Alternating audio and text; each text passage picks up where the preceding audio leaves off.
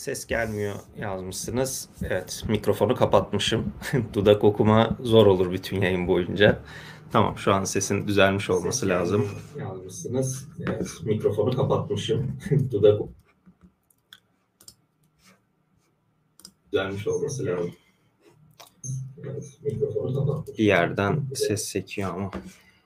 Bir saniye.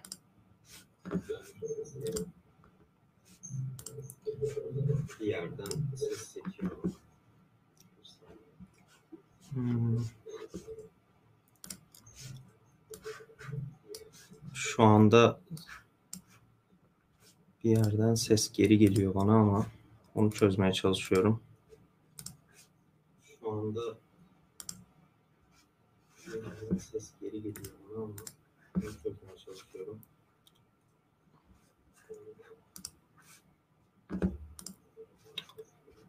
Sekme açık olmaması rağmen şu anda sesim bana iyi gelmiyor ama bir saniye. Sekme açık olmaması rağmen şu anda sesim bana iyi gelmiyor ama bir saniye.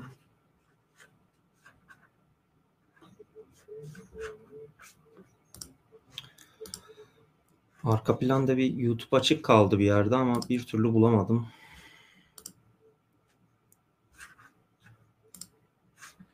Bir YouTube kaldı bir yerde ama bir türlü bulamadım. Tamam buldum galiba. Şu an düzelmiş olması lazım. Canlı yayının aksaklıkları. Tamam şu anda seste ve görüntüde hiçbir problem olmaması lazım. Artık burayı şey yaparken de sileriz. StreamYard'ı kullanıyorum fakat birkaç tane monitör olduğu için bir yerden de yayını açmıştım. Oradan kontrol ederim diye. Arka planda kalmış Mac'te. Onun da sesi geri sekince iyice çileye dönüştü. Tamam şu anda sorun yok. Evet arkadaşlar şimdi konseptimizi e, bilmeyen arkadaşlar için şu şekilde tekrar bir kısaca hatırlatmak gerekirse e, ben günlük kripto parayla ve blockchain ile ilgili haberleri Twitter hesabımdan ve Telegram hesabımdan anlık sizlerle paylaşmaya çalışıyorum. E, onun dışında her gün akşam yaklaşık 8-9 gibi Medium hesabım üzerinden sadece böyle 30-40 saniyede okuyabileceğiniz gayet sade, basit bir şekilde haberlerin özetlerini sizlere aktarmaya çalışıyorum. Yani burada böyle işte bir pop-up'tı, clickbait'ti, habere tıklamanız gibi bir kaygım olmadığı için de zaten Medium üzerinde o haberleri kısaca size aktarmaya çalışıyorum. Hafta sonları da cumartesi saat 9'da yani düzenli olarak da bu şekilde gelişmeleri hep birlikte tartışabileceğimiz bir canlı yayın açıyorum sizlere. Sizlerden gelen soruları elimden geldiğince cevaplamaya çalışırken aynı zamanda da e, haftanın önemli gelişmelerini birlikte konuşmuş oluyoruz. Şimdi şuradan ben Medium hesabımı da açayım.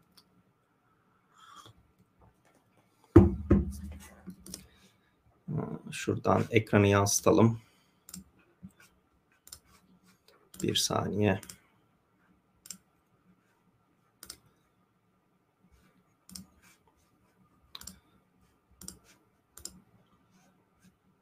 Tamam. Şimdi Medium hesabımı zaten e, linkini açıklama kısmında bulabilirsiniz. Dediğim gibi hafta boyunca sizlerle paylaştığım haberleri buradan zaten hepsini takip edebilirsiniz.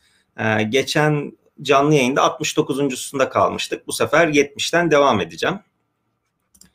Şimdi 70.ye girelim. Şuradan da sizin görebileceğiniz şekilde birazcık büyüteyim. Aslında bunu ekranda vermem çok gerek yok. Fakat bugün size şöyle bir şey de göstermeye çalışacağım. Ee, zaten başlıkta attığım gibi e, PayPal ve e, Bitcoin fiyatı arasındaki haberler çok fazla konuşuldu.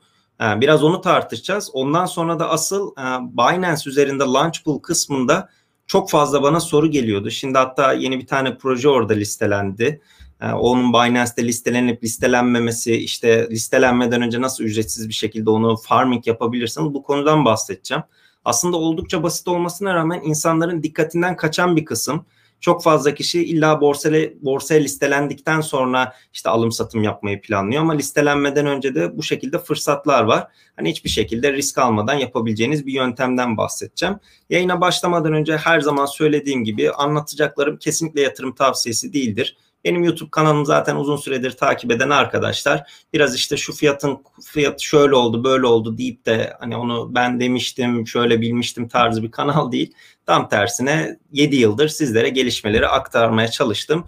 YouTube kanalım var. O yüzden de bundan sonraki anlatacaklarım da kesinlikle yatırım tavsiyesi diyerek ee, yavaş yavaş başlayalım. Şimdi ilk haberimiz FTX borsasında 1 liranın listelenmesiyle ilgiliydi. 1 liranın burada e, TRYB paritesi, Türk lirası paritesinde listelendi. 1 lira bildiğiniz gibi adı üstünde 1 liraya 1 TL'ye sabit stabil bir kripto para birimi. FTX borsası üzerinde de işlemleri başladı şeye bakabilirsiniz. 1 ee, lira kendi bir Medium postu yayınlamıştı sanırım. Medium'da ya da kendi bloklarında. Yani 1 lirayla ne yapabiliyorum? Sonuçta 1 TL'ye sabit bir kripto para alınca bu Türk lirasıyla ilgili ne yapabiliyorum? DeFi platformlarında nasıl işe yarıyor? Borsalar arası para aktarımında nasıl işe yarıyor? Onların zaten kendi Twitter veya e, blog sayfasından bunlara ulaşabilirsiniz. Çok fazla konu hakkında uzun uzun anlatacak bir şey yok o kısımda. KuCoin'den çalınan 4000 e, Ether tekrar harekete geçti. Bu Whale Alert'ın e, Twitter hesabını zaten çoğunuz takip ediyorsunuzdur ama takip etmiyorsanız da yani mutlaka bakın. Genelde işte bu Tether basımlarında işte çok yüklü miktarlarda transferlerin bir cüzdandan diğer cüzdana aktarıldığında eğer bu cüzdanlar yani e, bilinen cüzdanlarsa mesela atıyorum işte 10 bin Bitcoin işte bilinmeyen bir cüzdandan Binance'e gidiyor. İşte, Tether'in hazinesinden işte şu kadar milyon Tether yaratıldı. İşte o atıyorum OKEX'e gidiyor, KuCoin'e gidiyor, Huobi'ye gidiyor. Buradan böyle borsaları arası transferleri de siz de takip edebilirsiniz. Bu KuCoin'den çalınan 4000 Ether'in de tekrar burada harekete geçtiği görüldü. Bu da önemliydi. Şimdi geçen hafta çok fazla Çin'le ilgili konuştuk. Ee, ben bunu hem Blockchain Center'da Bora Hocam'la yaptığım yayında bahsetmiştim. Hem kendi yayınlarımda. Ee, bu Çin'in işte çıkardığı dijital parayı insanlara airdrop şeklinde verilip halkta artık insanların kullanılması sağlandı. Şimdi bundan sonra tabii e, iş böyle direkt bütün merkez bankaları bu hafta böyle haberler gördük. İşte Rusya'dan dijital lubre çalışmalarına hız verdik. 2021 yılında dijital lubreyi görebiliriz. Sonra bir yandan da ilk biz olmaya çalışmıyorduk tarzında haberler görüldü. İşte başka başka merkez bankalarından da bu konuda e, haberler gelmeye başladı. 2020'de zaten biz regülasyonların ve bu şekilde CBDC dediğimiz merkez bankaların dijital para birimlerini görmeyi planlıyorduk. Ama artık bu son çeyreğe kalmasına rağmen belki bu pandemiden dolayı bu konuda birazcık daha haberler hızlandı diyebilirim. Yani ee, son olarak 70. bültende de Launchpad'deki bilet talep etme sürecinden bahsetmişim. Ee, bunu zaten Medium'dan takip edenler e, bu süreci isterlerse BNB tutmaları, Binance hesaplarında BNB tutmaları karşılığında bilet talep edip ondan sonra da bu Launchpad'e isteyenler katıldı diyebilirim. 70.si bu şekildeydi. Bir yandan sizin yorumlarınıza bakıyorum. Çayı koydum seyrediyorum demiş bir arkadaşımız. Teşekkür ederim.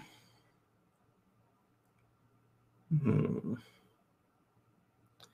Ya arkadaşlar dediğim gibi mesela işte Chainlink artış gösterdi. Nereye kadar gider sorularını ben pek cevaplamaya uygun görmüyorum.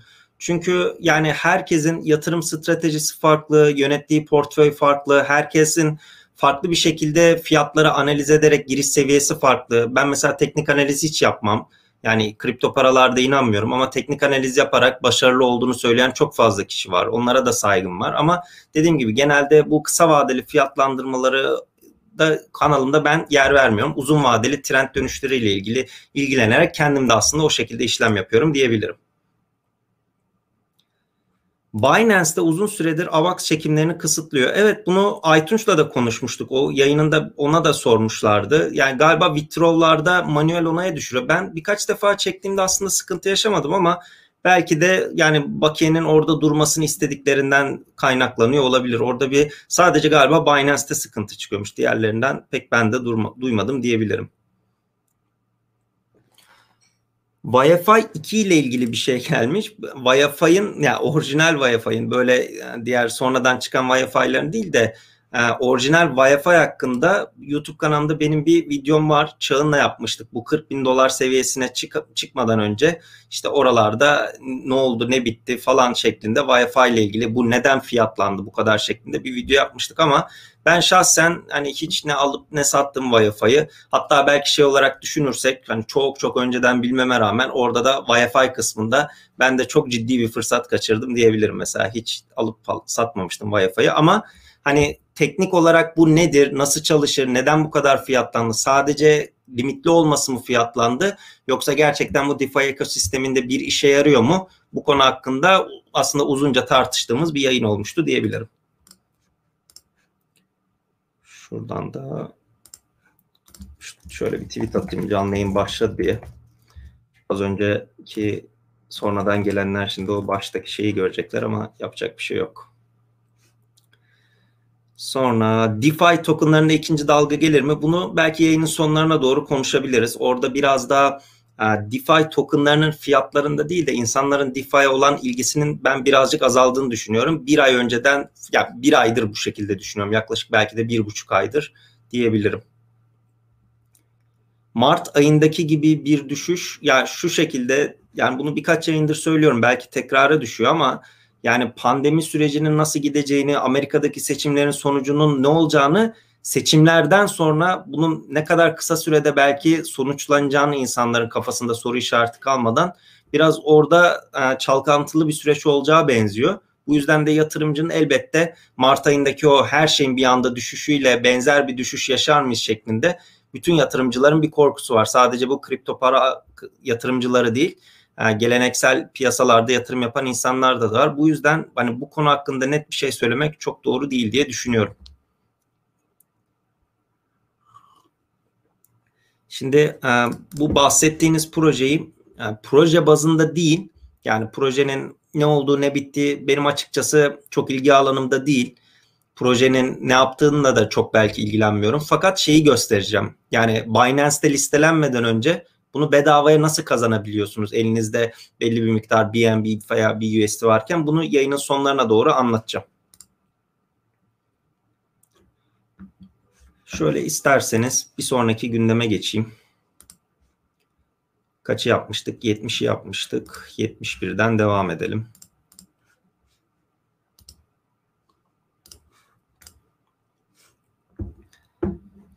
Şimdi tabii Çin'den Merkez Bankası'nın bu dijital parası ile ilgili hamle gelince Amerika'da sonuçta Libra'nın yoluna taş koymuştu. Libra ile ilgili belki de çok daha önceden e, insanlar bu Libra'nın dijital parasıyla tanışması, adaptasyonu belki arttıracakken Amerika yani bunun önünü kesti. Facebook'a göre 2020'nin belki de ilk yarısında çoktan bizim kullanabiliyor olmamız lazımdı.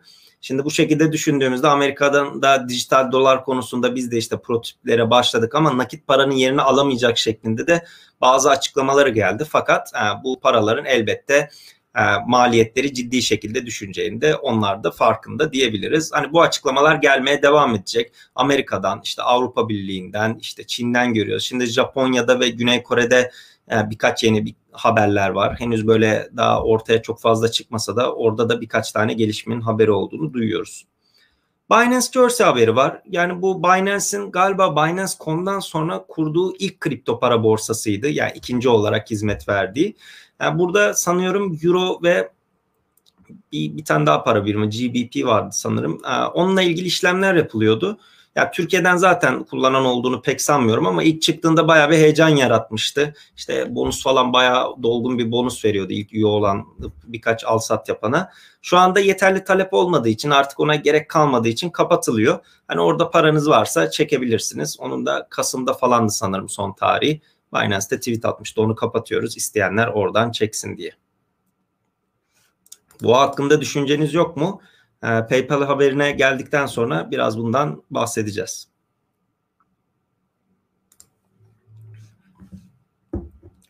Filecoin çok konuşuldu. İşte borsalarda listelenmesi, e, bu iki sene önceki yaptığı ICO sürecinden sonra işte borsada listelenme süreci, Justin Sun'ın buna böyle işte dolandırıcılık yaptılar falan demesiyle Filecoin bayağı gündemdeydi. Yani burada da madencilik yapan en büyük 5 tane madenci havuzu giriş maliyetinin file coin olarak fil diye adamlar da o zaman işte 3 tane karakterle aldı. 4 tane yoktu bile o zaman fil diye almışlardı. O yüzden fil diye devam etti. Yani çok yüksek diyorlar bu giriş maliyeti token cinsinden. Bu yüzden cihazlarını kapattılar. Burada da madencilik kısmında o şekilde bir kriz olmuştu diyebilirim. Son olarak da bu Injective Protokol INC'nin bilet sürecini Launchpad'den bahsetmiştim. Elinde BNB tutanların. O süreç başladı. Bunu da haberleri vermemin sebebi bu 24 saat boyunca sanıyorum bilet talep edebiliyorsunuz. Yani bazen unutanlar oluyor. İyi ki hatırlattın hani ben onu bekliyordum. BNB tutuyordum bakiye olarak diyor. O yüzden ya genelde listelenmelerden bir gün önce işte büyük borsalardaki listelenmeleri işte Launchpad, Launchpool falan bu şekilde bültende ben de yer vermeye çalışıyorum. Son olarak Çin'de dijital yuan kullanımının başladığı ile ilgili bir tane kısa video hazırlamıştım. Bu videoyu da izleyebilirsiniz. Galiba 3-4 dakikalık bir videoydu. Oradaki kullanım senaryosunda nasıl kullandıkları ile ilgili kısa bir videoda hazırlamıştım size diyerek 71'i de bu şekilde kapatayım. Onun dışında şuradan 72'yi açmam lazım. Sizin sorularınızı da alayım yan tarafa. Sorularınızın hepsini okuyabiliyorum. Ee, bazılarını sona bırakıyorum. Dediğim gibi geriye dönerek okuyacağım. Siz o yüzden hani bilebildiğim kadarıyla yardım edebildiğim kadarıyla sorularınızı da yanıtlamaya çalışacağım.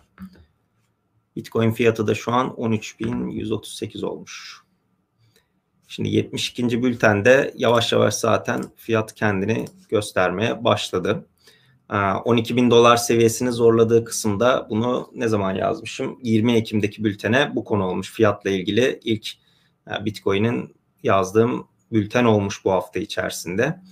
Ee, Chilis projesi vardı. FTX'te listelendi. Bunu da Türkiye'den çok fazla yatırımcısı olduğunu, çok fazla ilgilenen olduğunu biliyorum. Listelenme haberi olduğu için de önemli sayılabilecek bir haber olduğu için de FTX listelenme haberini ben de vermişim. Onun dışında e, yine Binance'te 21 Ekim'de listelenecek diye burada da belirtmişim.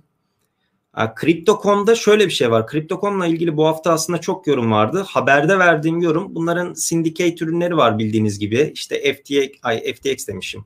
Ee, işte atıyorum Ethereum'du, Bitcoin'de bir sürü kripto parayı %50 indirimle işte bazen %25 indirimle sunuyorlardı. Yine bir tane projeyi %50 indirimle sunmuşlar. Bunu da size belirtmişim ama insanların aslında bu hafta Crypto.com'la ilgili en çok konuştuğu şey Crypto.com'un e, stake ürünlerinde siz orada kendi coin'i olan CRO'yu stake ettiğinizde size ciddi bir miktarda yıllık orada faiz veriyordu. Hatta yani çok önceden böyle 6 aylık falan stake edenlerde ben şey gördüm. Yani %20'ye çıkan faiz oranları CRO'da gör, görülmüştü. Fakat şimdi Crypto.com e, yıl dönümünü kutladıktan sonra bu faiz oranlarını %70'e varan oranda düşürdü takip edebildiğim kadarıyla. E doğal olarak da oradaki yatırımcı işte hani ben CRO coin almasının sebebi e, çok yüksek orada faiz oranı olduğu için elinde bulunan işte Tether'i falan CRO çevirip oradaki faizi değerlendiriyordu. Fakat orada ciddi bir şekilde faiz oranlarında düşüş olduktan sonra da belli bir miktar yatırımcı elinden CRO'yu çıkardığını ve bu yüzden ben CRO token'ın da Crypto.com'un kendi coin'inin de düştüğünü düşünüyorum ki öyle gözüküyor fiyat hareketlerine bakacak olursak. Hatta şöyle yapalım bir saniye. Market cap'i açayım oradan bir bakalım. Bu hafta çünkü çok fazla soruldu. Telegram'dan da çok orada gruba da girdim. Bir insanlar ne yazıyor ne bitiyor diye. Şuradan şey 7 günlüğü açarsak ben de bütün her şeyi dark modda kullanıyorum. Karanlık modda. Şimdi o da yayında kötü gözüküyor sanırım. Evet şöyle bakacak olursak şunu yansıtayım. Bir saniye.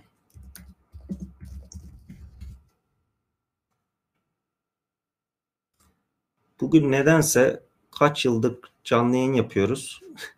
bir aksilikler, bir yavaşlık var bugün bir şey ama hayırlısı.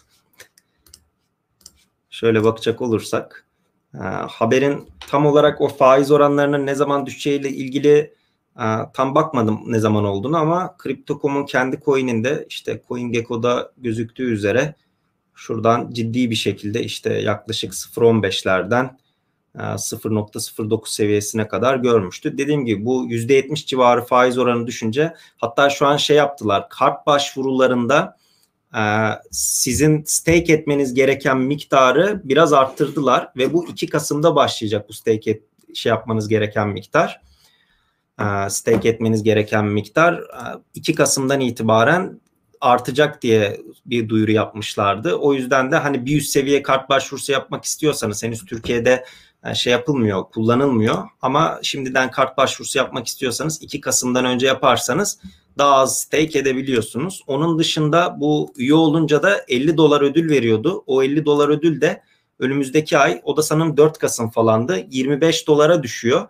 Yani şu an aşağıda açıklama kısmında linki var Crypto.com'un. Oradan üye olmanız durumunda hem 50 dolar alabilirsiniz hem de e, kart başvurusu yapmak istiyorsanız daha az CRO kitleyerek kart başvurusu yapabilirsiniz diyeyim. Hem de 50 doları anında çekebiliyorsunuz. O bir dahaki ay 25 dolara düşecek. Şimdi Telegram'dan bir arkadaşım yazdı da yanlışlıkla yatırım tavsiyesidir falan dedin. Yatırım tavsiyesi değildir şeklinde altyazı geç diye. Öyle bir şey dediysem canlı yayında düzelteyim. Şöyle tekrar e, yasal olarak uyarımı da geçmiş olayım. Şimdi bildiğiniz gibi e, şu haberi yansıtmam gerekmiyor. Biraz bu şekilde anlatabilirim. Bu DeFi ekosistemindeki oyuncularda işte platformlarda alım satım yapmak işte buralarda yatırım yapmak için siz genellikle işte MetaMask cüzdanınızı kullanıyorsunuz. Yok işte Argent cüzdanınızı kullanıyorsunuz. Genellikle bunlar kullanıyor. Fakat e, buralarda akıllı kontratın adresiyle sizin cüzdan adresi arasındaki farkı bilmeyen pek fazla bu konuda deneyimi olmayan, belki de hiç deneyimi olmayan kişiler yanlış adrese para yolladıkları durumlarda özellikle kendi cüzdan adresleri yanına akıllı kontrat adreslerini yollamaları durumlarında bu paralar geri alınamıyor. Mesela yanlış bir adrese Tether falan yolladığınızda işte görüyorsunuz Tether'in CEO'su diyor biz işlemi geri aldık size işte geri vereceğiz falan diye bu şekilde yapabiliyor. Fakat mesela bu haftaki bir örnekte DeFi'da e, Aave var. En popüler platformlarından biri. 28 bin adet oradaki AV'nin token'ını bir tane kullanıcı bu yaklaşık 1 milyon dolar ediyor. Direkt akıllı kontratın adresine attığı için bu para çöp oldu. Ya ben şunu çok çıkaramadım. Yani 1 milyon dolar bir paranız var ve bunu işte bir platformda yatırım yapacaksınız. Ya en azından şey bile yapılır. Siz de yapmışsınızdır işte biraz böyle büyük bir miktarı göndermeden önce ilk bir çok komik bir miktar gönderilir. Hani gidiyor mu cüzdan çalışıyor mu diye. Ondan sonra o asıl miktarı gönderirsiniz. Bu kişi nasıl böyle 1 milyon doları direkt gidip tam olarak emin olmadığı bu şekilde akıllı kontrata AV yollayayım diye onun akıllı kontratına yollayıp da o parayı kitledi. Çok bilemiyorum ama yapacak hiçbir şey yok. Bu da biraz aslında özellikle finansal okur yazarlığın bu işte DeFi ürünlerinde yatırım yapmadan önce en azından neyin nasıl çalıştığının en temel düzeyde bilgi seviyesi olmanın aslında gerekliliği hatta zorunluluğu olarak çok böyle örnek olarak da bu haftanın önemli haberlerinden biriydi diyebilirim. 72'yi de bu şekilde yaptım. Ekrana o şekilde vermek haberleri belki bir süre sonra sıkıcı gözüküyor ama şurada PayPal haberiyle vereceğim. Bir yandan sizin yorumlarınıza bakayım. Holochain sistemini kuracak mı? Holochain'le ben hiç ilgilenmedim. Hiç yatırım da yapmadım. Hiç ilgilenmedim de ama Türkiye'de biliyorum bayağı kişi takip ediyor. En azından onunla ilgili devamlı paylaşım yapan kişileri takip ederseniz hani daha net bir bilgi seviyesine sahip olursunuz diyebilirim. BTC Türkiye Tron eklendi. Ee, ben onu şu şekilde kullanıyorum.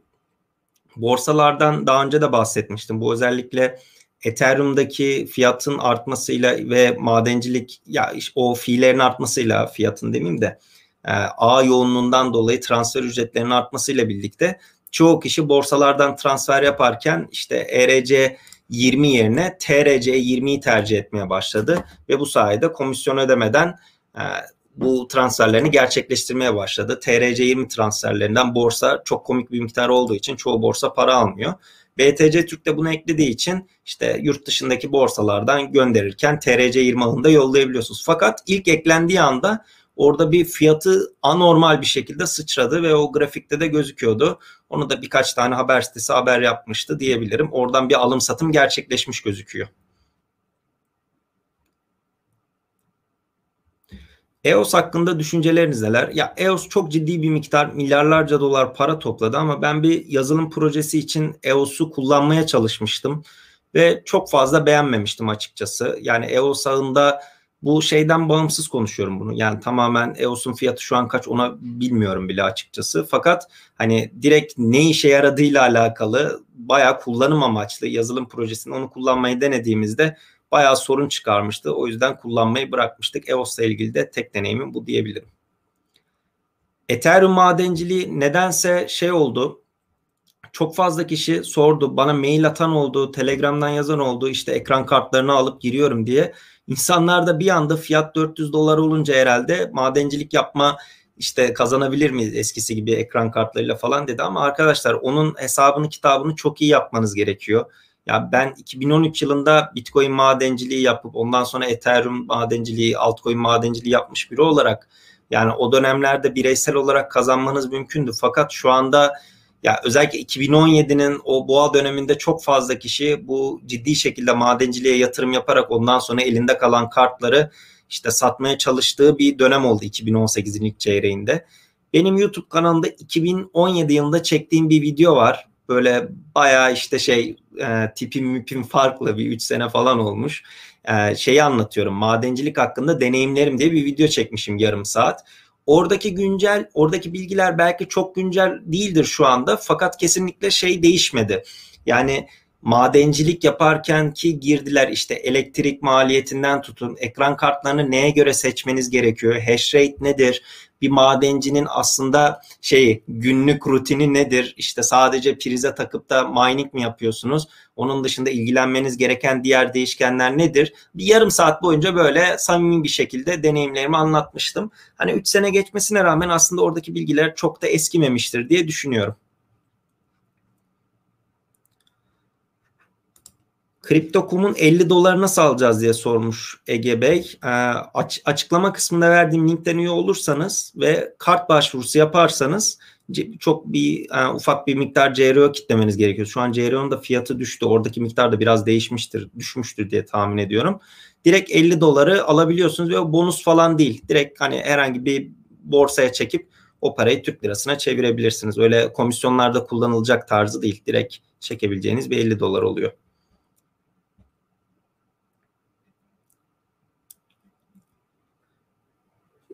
2013'ten beri Bitcoin'i takip ediyorum demiştin de. Şimdi şöyle hatta benim Twitter'daki şey de vardı. Ha, bu hafta en çok şey alan ha, şuradan hatta göstereyim. Bu hafta Bitcoin fiyatı tabii 100 bin lira olunca benim de Twitter'da şöyle bir tweet atmışım. Bitcoin 700 lira diye 9 Kasım 2013'te yani şey gibi olmuş bu. Böyle senelerce beklemiş bu retweet'i yapmak için. 100 bin olunca tabii ben de bunun tweetini atmıştım. Twitter'da da bayağı bir kişi paylaşmıştı bunu. Şöyle benim YouTube kanalımda bakarsanız şey yapmışım. Ee, umarsızca harcamaktan kasıt şöyle şeyler yapmışım. Ee, mesela Steam'de Bitcoin eklenmişti. Bayağı bir Steam'den Bitcoin'in oyun alabiliyordunuz. Daha sonra bu fiiller çok artınca Bitcoin'de kaldırdılar. Mesela orada işte e, Steam'den nasıl Bitcoin oyun alınır denip galiba Counter Strike için falan işte bakiye yüklemiştim. Hani şu anki Bitcoin fiyatına bakınca orada bir oyuna ne biçim para verdiğim anlaşılıyor. Sonra şey videosu var. E, Bitcoin'e VPN nasıl alınır diye. Tunnel bir yerini almışım sanırım. Onlar Bitcoin kabul ediyormuş. Bir de senelik ödemişim parayı Bitcoin'e. Sonra işte VPN'ler falan Türkiye'de kapatılınca Tunnel bir de kapanmış. Kullanamadan bile çok ciddi bir miktar. Hatta belki Türkiye'de VPN için e, en ciddi miktar, en yüksek parayı vermiş kişilerden biri olabilirim. Çünkü onun videosu duruyor.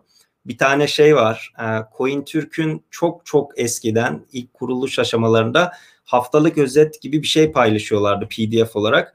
E, onu da site üzerinden Bitcoin'le de alabiliyordunuz. Bir özel birkaç böyle herkese açık değildi sanırım. İşte Bitcoin'le nasıl alışveriş yapılır falan diye örnek olarak onu göstermişim. Orada şu anki fiyata bakarsak bayağı bir Bitcoin var. Böyle aslında en azından YouTube üzerinde ki birkaç videodan onlara da bakabilirsiniz.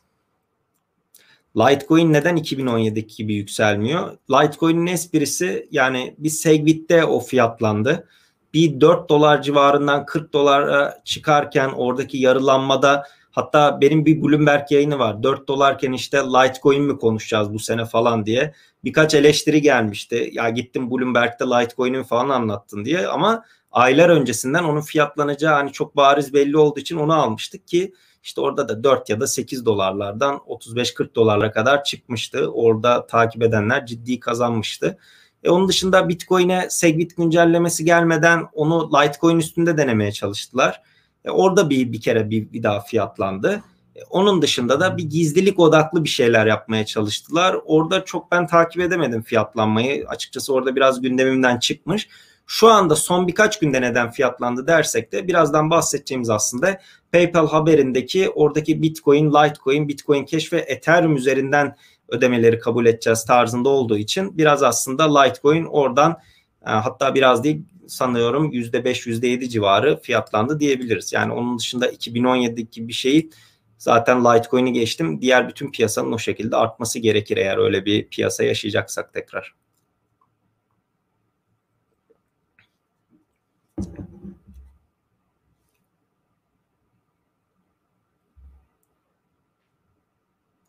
Kraken bakıma girmiş. Ya bu Bitcoin'in şeyi vardı 10 bin doların üzerinde ne kadar kaldığı ile ilgili bir rekor gösterge vardı. Şu ana kadar galiba 75-80 günü bulmuştur. 2 haftadır çünkü bahsediyoruz bundan.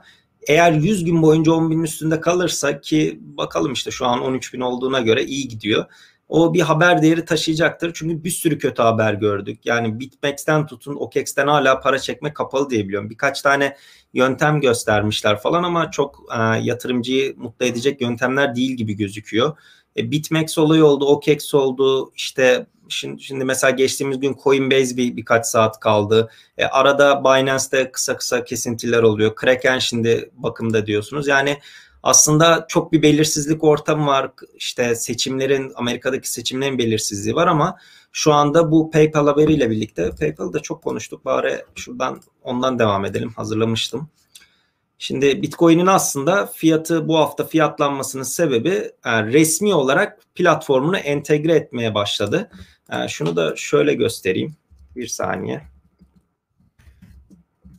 Bunu e, çok eskiden beri aslında PayPal'ın bu Bitcoin kabul etmeye başlama macerası çok çok eski bir macera. E, hatta şöyle söyleyeyim. Bakın 6 e, Mayıs 2013. Şunu da ben paylaşmıştım yine. Şöyle biraz zoom yapayım. 6 Mayıs 2013 tarihinde şey diye yazmışım. PayPal Bitcoin ödemelerini kabul etmeyi değerlendiriyor. Yani 7 sene oldu. Her sene bir haber çıktı PayPal'la ilgili. İşte değerlendiriyor, değerlendirecek, ekledi, ekleyecek diye baya bir konuşuluyordu bu haber. Fakat artık bu sefer gerçek oldu diyebiliriz rahat bir şekilde. Çünkü hem burada yani ilk başta Reuters'ta bu haber çıktı. Ondan sonra PayPal resmi açıklamasını yaptı ve PayPal bununla ilgili de bir tane duyu şey paylaştı. Hatta video paylaştı. Ha, bu konu hakkında da ben kısaca bir video çektim. Onu da YouTube kanalından bakabilirsiniz. Bu PayPal haberiyle ilgili. Fakat ben o videoyu çektikten sonra e, şey yaptı. E, bazı aslında haberler yeni yeni haberler geldi diyebilirim. Mesela ne geldi? Onun alt satır başlıklarında şöyle. Şimdi şu haber okey. PayPal resmi olarak destekliyor. Hani Bitcoin, Ethereum, Litecoin, Bitcoin Cash. Fakat şu şekilde anlatayım. Şunu durdurayım. Tam şöyle ekranı büyüteyim. Şimdi şöyle bir durum var. PayPal'la ilgili Şimdi siz burayı bir kere cüzdan olarak kullanabileceksiniz. Kullanmak ister misiniz? Orası ayrı konu. Fakat kullanabileceksiniz. Fakat şöyle bir durum var. Ee, insanların bu PayPal'da PayPal bakiyesini dondurabiliyor. Bunu mutlaka e, yaşayan arkadaşlar vardır. Şu anda Türkiye'de kapalı olduğu için belki bilmiyorsunuzdur. Fakat e, PayPal üzerinden hizmet ve ürün alım satımı yapan arkadaşlar işte PayPal'ın bir kuralına uymadın şey yaptın diyerek 90 gün dondurabiliyor. E şimdi Bitcoin dondurulamaz bir şey. Yani kimse sizin hesabınızı donduramıyor. Bir merkeze bağlı değil. Bir arada üçüncü kurum yok. E şimdi bu şekilde olunca bu yüzden belki de çok fazla kişi kullanmak istemeyebilir şey anlamında. E, PayPal'ı cüzdan olarak kullanmak istemeyebilir. PayPal'da tweet atayım bir yandan. PayPal haberinin. İkinci olarak da e, satır aralarında şu geçiyor. Siz PayPal üzerinden tamam Bitcoin ve kripto para alabileceksiniz. Fakat bunu kendi cüzdanınıza çekemeyeceksiniz. Yani burada size bir PayPal e, withdraw işlemi, paranızı çekme işlemi, oradaki private key'lerini size verme gibi bir hizmet sunmayacak. Bunu sunmam, bu, sunmadıktan sonra da şu işe yarayacak. Siz PayPal üzerinden Bitcoin satın alabileceksiniz. Orada tutabileceksiniz. Alım satım işlemlerinizi yapabileceksiniz. Bir sonraki detay şu şekilde. PayPal'ın 300 milyondan fazla aktif kullanıcısı var. Yani geçtiğimiz günlerde haberler çıkıyordu işte 101 milyon oldu kripto parayla ilgili kullanıcı sayısı falan aktif olarak ama bunu bilmek mümkün değil.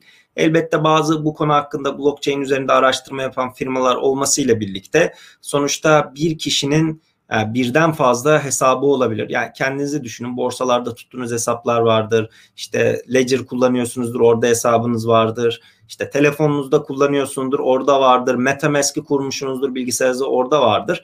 Halbuki yani 5-6 tane aktif adresiniz vardır ama siz tek kişisinizdir. Yani buradaki miktar ciddi şekilde oynayabilir. Fakat PayPal burada aktif kullanıcı olarak bu kadar kişiyi sisteme sokar ve Bitcoin'i orada tanıştırırsa diğer kripto paralarla birlikte bu oldukça tabii e, katalizör görevi görecektir adaptasyon konusunda. Zaten bu haber çıktığı anda da Bitcoin fiyatında hatta bir gün sonra da bir günde bin dolarlık orada bir mum görmüştük. Ciddi şekilde bu fiyatlanıyor şu anda. 13 bin dolar seviyesinin hala üzerinde Bitcoin şu anda 13 bin 130 dolar seviyesinde.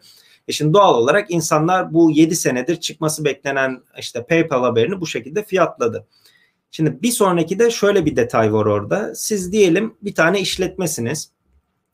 Kripto para kabul etmek istiyorsunuz. Şu anda zaten işte BitPay olsun, başka servisler olsun. Siz işte kripto para, Bitcoin kabul ediyorsunuz. Karşınızdaki kişi Bitcoin ödemeyi yapıyor. Siz cebinize dolar veya euro alıyorsunuz. O aradaki kripto para, fiyat para dönüşümünü atıyorum BitPay yapıyor ve oradan işte ya komisyonunu alıyor ya da o Bitcoin'leri portföy yöneticileri var. Ne zaman alıp satacağına karar vererek elinde tutuyor veya anında satıyor.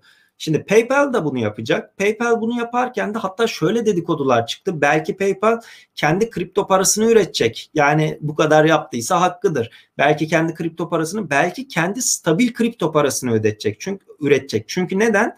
Şimdi burada e, karşı taraf mesela benim bir işletmem var Bitcoin kabul ediyorum. Adam geldi Bitcoin'le ödeme yapmak istedi. Şimdi PayPal bunu çevirdi bana dolar olarak verdi. PayPal bu Bitcoin'i tutacak mı? Anında satacak mı? Bunun kararını vermesi lazım. Orada belki kendi bir stabil kripto para üzerinden de bu işlemleri yapmak isteyebilir. Bu ama henüz erken olduğunu düşünüyorum. Şey anlamında erken. Yani daha PayPal haberi yeni çıkmışken böyle bir haber gelmesi açıkçası sürpriz olur. Ama bu hafta şöyle haberler geldi. PayPal bu kripto para işlerine girmeye başlayınca yavaş yavaş şirketleri satın almaya başlayacak. Bu kripto para ile ilgili şirketleri satın almaya başlayacak haberleri geldi. Burada Bitcoin'un bir adı geçti fakat Bitcoin biz bunu resmi olarak doğrulayamayız. Böyle bir şey hani ne var dedi ne yok dedi benim takip edebildiğim kadarıyla. Ama oradan PayPal kısmında sürprizler gelecektir. Çünkü zaten çok ciddi bir miktar paraları var. PayPal'ın kendi borsadaki hisse senetleri de tüm zamanların en yüksek seviyesini gördü. Sanıyorum %5 civarı bir yükselişle normal PayPal'ın kendi hisse senetleri de orada bir rekor kırmıştı diyebilirim. Bir hafta sonra öder üstüne de %10 komisyon alır demişler. Ya hmm, Selçuk Bey ya da Selçuk Han Fındık. Doğru. PayPal çünkü bildiğiniz gibi bankaya çekmek istediğinizde galiba 3 gün sonra ödüyordu ya da anlık çekmek istediğinizde işte bir komisyon gibi bir şey alıyordu diyebilirim.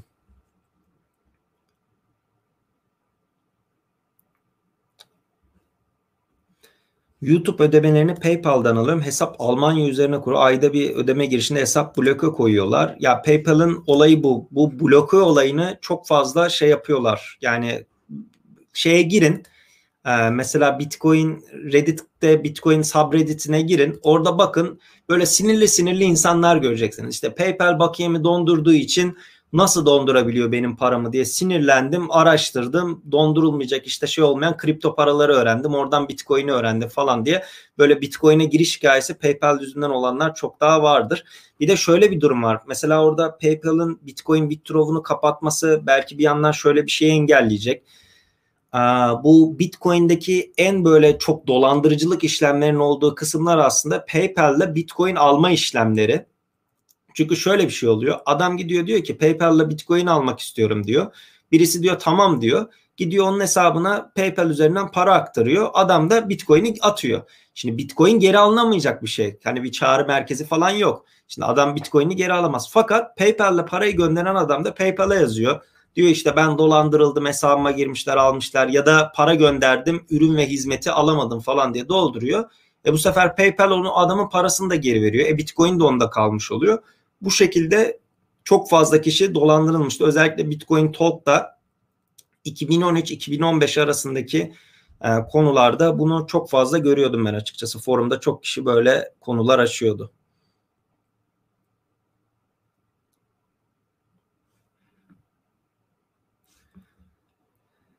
PayPal haberiyle birlikte Türkiye'deki döviz kurundan da dolayı 100 e, bin Türk lirası seviyesini geçti ve şu anda da işte 102 bin TL falandı diye bakıyorum. Yani şu anda da Türkiye'de bir Bitcoin 100 bin TL'yi geçmiş durumda diyebiliriz. E, Bitcoin fiyatı 13 bin dolar olmasına rağmen bir önceki rekorda bildiğiniz gibi 19 bin 500 yaklaşık 20 bin dolarlarda bile 100 e, bin TL'yi geçememiştik. Döviz kurundan dolayı geçtiğimiz süreç içerisinde şu anda 100 bin liraya geçmiş durumdayız. Blockdown konferansını bahsetmişim. 22-23 Ekim'deydi. Bu da dün bitmiş. İzleyenler ücretsiz bir şekilde de izleyebiliyordu. Alp Bey kızım resimdeki 5 yaşında demiş. Tamamdır. Londra borsasında işlem gören, burada haberleri yansıtmıyorum. Buradan ben size okudum. Mod Global şirketi, Mod Global Holdings'ti sanıyorum tam adı. İngiltere'de faiz oranlarının çok düşük olmasından dolayı şirketin nakit rezervinin %10'uyla Bitcoin almaya karar verdi. Şimdi bu haberler çok fazla gelmeye başladı. Siz de takip ettiyseniz işte MicroStrategy bunu ciddi bir yatırım yapmıştı. Ondan sonra işte Square yaptı. Ufak ufak birkaç firma yaptı. Yani şöyle düşünüyor adamlar. Yani negatif faiz oranlarının olduğu bir ortamdayız. Devamlı para basılıyor. Şimdi Amerika'daki mesela bu teşvik paketiyle ilgili oradan çıkacak bir olumlu gelişme en azından bir olumlu gelişme çıkma ihtimalinde bile hemen altın ve bitcoin fiyatlarında onun fiyatlandığını görüyoruz. Yani şeyi biraz takip ediyorsanız oradaki e, haber akışını o teşvik paketinin işte seçimden önce çıkar mı çıkmaz mı falan oradaki hala belirsizlik devam ediyor. Ama ona rağmen en ufak bir konuşulma olduğunda bile altın ve bitcoin fiyatlarına sınırlı varlıkların fiyatlarına bu ciddi şekilde yansıyor diyebiliriz. E şimdi insanlar da bakıyor negatif faiz ortamı var. Orada parasını işte dolarda tuttuğunda şirket rezervini işte dolarda, onda, euroda falan tuttuğunda e, bir şey kazanamıyor faiz olarak. Her geçen gün para basıldığı için eriyor. E, yatırım yapacak bir yer arıyor. Bir yandan burada kripto paralar işte altında sınırlı varlıklar olduğu için de uzun vadede şu an Bitcoin fiyatına baktığımızda, grafiğine baktığımızda devamlı bir artış eğiliminde görünce e, doğal olarak da şirketler rezervlerinin bir miktarını kripto paralarda değerlenmeyi uygun görüyorlar. Hatta MicroStrategy MicroStrategy'nin CEO'sunun bugün ya da dün yaptığı bir açıklama vardı. Biz bu aldığımız bildiğiniz gibi milyonlarca dolarlık Bitcoin aldılar ve şeyi gördüler. Adam şey dedi biz bunu dedi 100 yıl satmayacağız. Yani şirket politikası olarak dedi biz bunu 100 yıl satmayı düşünmüyoruz. Bitcoin'e bu şekilde güveniyoruz demişlerdi. Ee, şirketlerden bu tarz Bitcoin satın almalarının ben daha çok artacağını düşünüyorum açıkçası. Zaten bunu tutan böyle bazı şeyler var. Ee, siteler, grafikler var. Hangi site ne kadar almış. Orada da devamlı yenileri ekleniyor diyebilirim.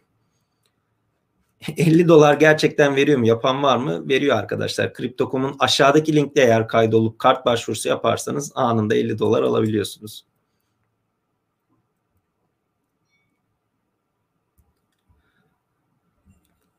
Daha önce de sormuştum. Binance'e bakiyemizi yurt dışına çıktığımızda çekebilir miyiz? Tam olarak anlamadım sorunuzu. Kripto para olarak istediğiniz zaman bakiyenizi istediğiniz gibi çekip yani işte ledger'ınıza koyup kendi telefonunuzdaki cüzdanınıza tutup taşıyabilirsiniz. Hatta yurt dışında Bitcoin ATM'leri çok popüler. Hani kendi mobil cüzdanınıza kripto Bitcoin'inizi çekip atıyorum. Yurt dışında ATM'ler her köşe başında var. Özellikle ben işte Avrupa'da, Japonya'da falan çok karşılaşmıştım. Hatta onların videolarını çekmiştim. Bitcoin ATM'leri nasıl kullanılır diye. O videolara bakabilirsiniz. Hani sorunuzun cevabı buysa bu şekilde söyleyebilirim.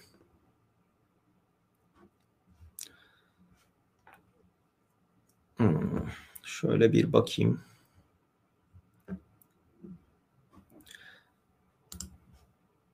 İyi yayınlar severek takip ediyorum. Çok teşekkür ederim. Soruma cevap verirsen sevinirim. Maalesef veremiyorum. Yani mesajın başı çok güzel ama Litecoin için sene sonu fiyat tahmini yani benim öyle bir şey verebilmem arkadaşlar gerçekten uygun değil.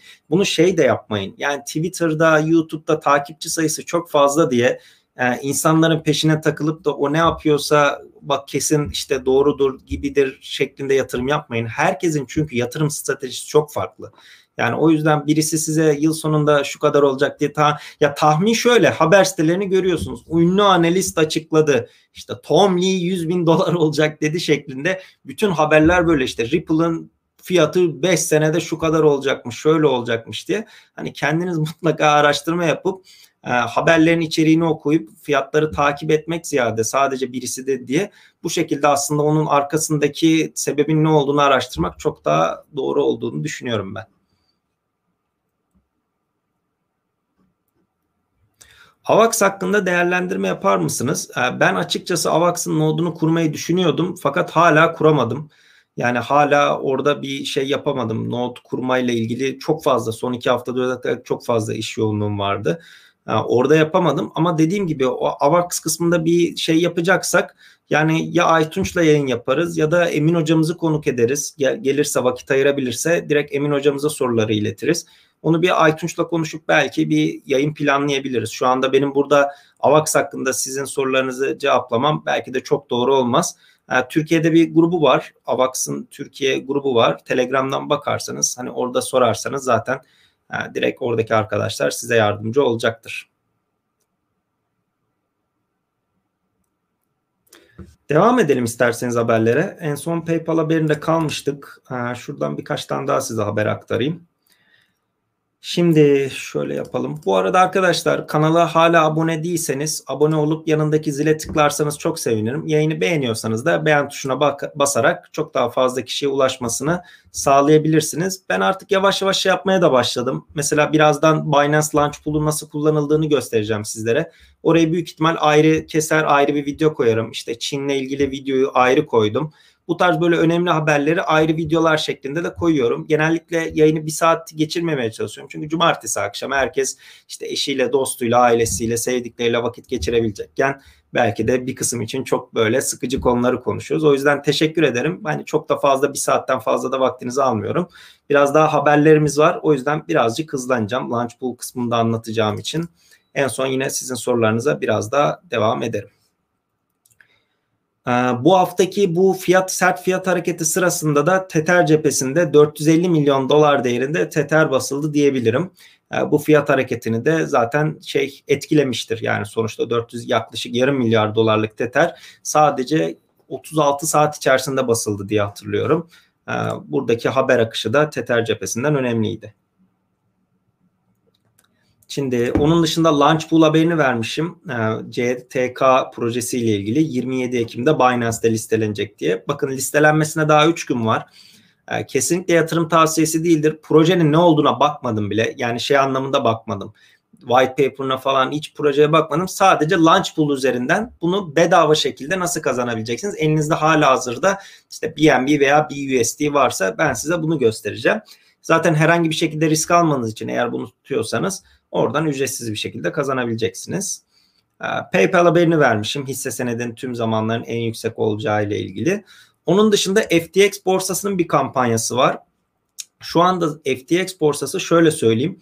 Ee, piyasa yapıcı işlemlerde yani bu ne demek? Emir tablosuna emir girip de gerçekleşmesini bekliyorsanız bunda hiç komisyon almıyor. Sıfır komisyon. Onun dışında para çekme işlemlerinden hiç komisyon almıyor. Siz orada withdraw yaparsanız hiç komisyon almıyor. Onun dışında bir de buna üstüne üstlük eğer aşağıdaki linkten yeni hesap açarsanız ömür boyu %5 indirim kazanıyorsunuz ve içine attığınız miktar kadar da 500 dolara kadar orada bir ödül kazanabiliyorsunuz. Onun bir tablosu var. FTX'in sitesinden bakabilirsiniz. Hani hesabınız yoksa FTX'i de kullanabilirsiniz diyeyim. Çünkü orada da genelde bu coinlerin ilk listelenmesinde FTX'in CEO'su Twitter'dan takip ediyor musunuz bilmiyorum ama ya çok aktif kullanıyor. Bende de bildirimleri açıktı. Birkaç tane işte borsaların falan böyle önemli şey olursa CEO'larıydı borsaların açık bildirimleri. Ya adam çok fazla aktif. Özellikle böyle projeler falan olduğum ilk listeliyor. FTX'i de aşağıdaki linkten üye olarak kullanabilirsiniz istiyorsanız. Bitcoin fiyatı da 13 bin dolara çıktı diye son haberi de 74.sünde o şekilde vermişim. 75'ten devam edeyim. Ee, basılan teteller ya şöyle söyleyeyim bunu ya belki de iki senedir falan tartışıyoruz. İşte Bloomberg'de yayınlarda da bunu konuştum. Orada da uzun uzun anlattım. Tether'in bu basılan Tether'lerin karşılığının olup olmadığını gerçekten bilmiyoruz. Yani denetleniyor işte tamamen karşılığı var deniyor. Bir ara işte dolar karşılığı yok da işte ev araba arsa ne varsa biz toplar o teteri karşılarız şeklinde açıklamalar oluyor. Sitesindeki değiştiriliyor. O kısım çok da aslında muamma. Yani çok böyle piyasada bulunan teter kadar e, gerçekten basılı teter kasalarında olup olmadığı gerçekten bilinmiyor. Dış üçüncü parti işte şirketlere denetim yaptırılıyor, avukatlara açıklama falan yapıyor, raporlar yayınlanıyor ama yine de doğal olarak tam güvenemiyoruz, bilemiyoruz diyebilirim.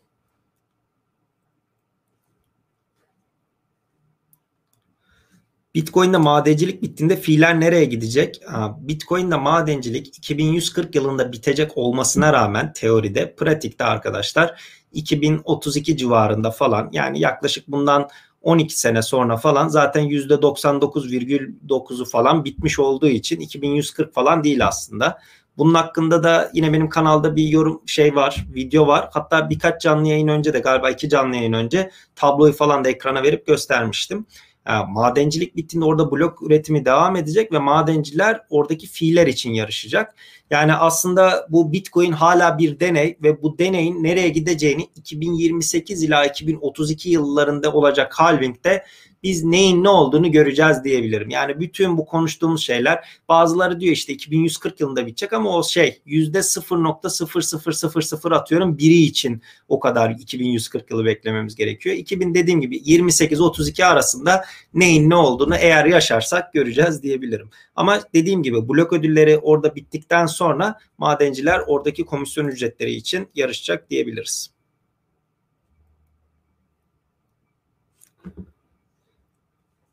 Hmm. Şunu yansıtalım. 75'e gelmişiz. Şimdi Rusya'dan bir açıklama var. Ee, Rusça ismi kesin doğru okuyamayacağım için okumayayım canlı yayında. Rusya'nın 2021 yılında dijital ruble hamlesini görebiliriz. Fakat Rusya çok da acele etmiyor. Ya yani ilk biz olmaya çalış işte Çin bunu çıkardı diye hemen işte biz de çıkaracağız gibi bir aceleleri olmadığını da görüyoruz. Rusya'dan da gelişmeler ama bu şekilde gelmeye devam ediyor. DeFi'de kilitlenen miktar 12 milyar dolar seviyesine ulaştı. Twitter'da da beni takip eden arkadaşlar biliyor. Ee, ben 1 milyar dolara bile ulaşmadan tweet atmaya başladım geçen sene Kasım Aralık'ta hani buradaki yani miktarın büyüyeceği çok bariz bir şekilde gözüküyordu. Bir 6-7 ay önceden belliydi bu DeFi rüzgarının geleceği. E şimdi buradaki miktar da 12'ye çıktı. Bu bir ara 9'lara falan tekrar düşmüştü. Dediğim gibi insanların bu platformlarda kullanmayı biraz bırakmaya başlaması, faiz oranlarının biraz daha normal seviyelere gelmesiyle bazı yatırımcılar için cazip olmamasıyla birlikte buradaki miktar azalmaya başlamıştı. Şu an biraz bu tabii ki Ethereum fiyatının da hani son bir, bir haftadır ciddi şekilde artmasıyla birlikte 12 milyar dolara ulaşmış.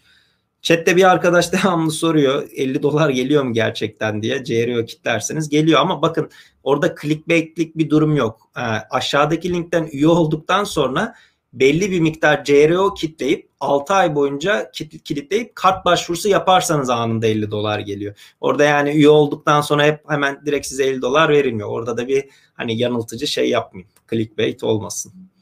Justin Sun'dan haber var. D-Light TV satın almayı planlıyor. Zaten bunun bir kısmı onundu. Tamamını satın almayı planlıyor. Ben de geçtiğimiz canlı yayınlarda demiştim orayı belki deneyebiliriz diye ama ya bir türlü hesap açıp da bir şey yapamadım diyebilirim.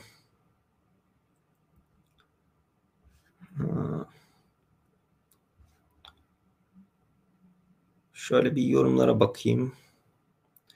Bitcoin'in bence 2020'de ne olacağını göreceğiz. Burada az önce bahsettiğim fiyat anlamında değildi. Yanlış anlaşılmasın. Madencilikte %99 civarına ulaşmamızla ilgili. %98 virgül küsürle %99 arasında 2028-32 arası olması lazımdı. Şu anda da tablo önümde yok. Belki yanlış söylüyorum ama en fazla 4 sene yanlış söylüyorumdur. Onun zaten videosunu çünkü çekmiştim. Şu farming işlemini anlatacağız. Az önce bahsettiğim kripto para şirketlerini satın almayı da buradaki bültende vermişim. Bu şeyin de linkini vereyim ben size. Arkadaşlar bu haberlerin tamamına medium.com slash Alpışık kısmından bakabilirsiniz. Dediğim gibi sizin de zaten hani haberi de yansıtıyorum. Öyle bir pop-up yok. Oradan buradan açılan işte reklam pencereleri, clickbait başlıklar falan yok. Takip edebilirseniz hani yazıları şeyi de görüyorum. E, Medium'da paylaştıktan sonra anında alt kısımda alkış sekmesi var. Oradan çok fazla arkadaş hemen böyle alkışlıyor. Hani bildirimleri açmışlar. Çok teşekkür ederim. Şöyle söyleyeyim benim beklediğimin kat kat fazlasında bir ilgi oldu. İnsanlar şeye açmış. Yani mesela böyle çok fazla günlük e, rutininde haberleri belki takip edenler olduğu gibi bazı kişiler de hani işi gücü yoğun ya da işte uzun vadeli yatırım yapmış ama bir yandan da hani sadece böyle 30 saniyede günlük haberleri okuyabileceği bir kaynak arayan ve bunun içinde böyle bir sürü reklam ona buna boğulmamış içerik arayan çok fazla kişi olduğunu gördüm. Çünkü Medium istatistiklerinde oradan ciddi bir şekilde okunduğunu direkt analiz edebiliyorum. O yüzden de çok teşekkür ederim. Dediğim gibi aşağıda da zaten linki var. Medium'dan buradan bu haberleri bakabilirsiniz. Çünkü bazı haberler görebileceğiniz gibi ben en eskiden en güncel habere doğru geliyorum. Güncelliğini yitirmiş oluyor. Hani güncel okumanız gereken haberleri zaten günlük veya Twitter hesabım üzerinden verdiğim için o yüzden de Twitter'dan da takip etmiyorsanız takip etmeyi unutmayın. Ya da Twitter kullanmıyorsanız Telegram'dan şeye de yazıyorum. O Telegram duyuru hesabım var. Oradan da sizlerle paylaşıyorum. 50'şer basıyoruz alkış demişler. Evet Medium'da öyle bir şey var. Çoğu kişi bilmiyor. E, beğen tuşuna basılı tutarsanız birden işte 50'ye kadar toplam maksimum 50 alkış verebiliyorsunuz. Selçuk Bey 50'şer basıyoruz alkışı demiş sağ olsun. Kripto robotları hakkında ne düşünüyorsun? Bu şeyden bahsediyorsunuz. Kripto para borsalarında kullanılan e, trade botlarından bahsediyorsunuz. Bu sadece kripto para borsalarında değil, geleneksel borsalarında da çok ciddi şekilde insanlar e, algoritmalarla, yapay zekalarla e, buralarda işlemlerini yapıyorlar. Buna yapabilecek bir şey yok. Hani bu bu şekilde gidiyor zaten. Bu şey bir şey değil. Kripto yani borsalara bazen görüyorum işte tam emir giriyorum üstüne giriyor. Ben giriyorum emir üstüne giriyor. Orada aslında borsa pek bir şey yapmıyor diyebilirim. Orada belli bir algoritma kurmuş, kripto para botu yazmış, alım satım botu yazmış kişilerin eğer o algoritmanın koşullarını sağlıyorsanız doğal olarak sizin emrinizin üstüne giriyor veya direkt işte alım satım yapıyor diyebilirim. Bunu yüzde hatta geleneksel piyasalarda bu yüzde 60'a kadar çıkıyor bu botların kullanımı diyebilirim.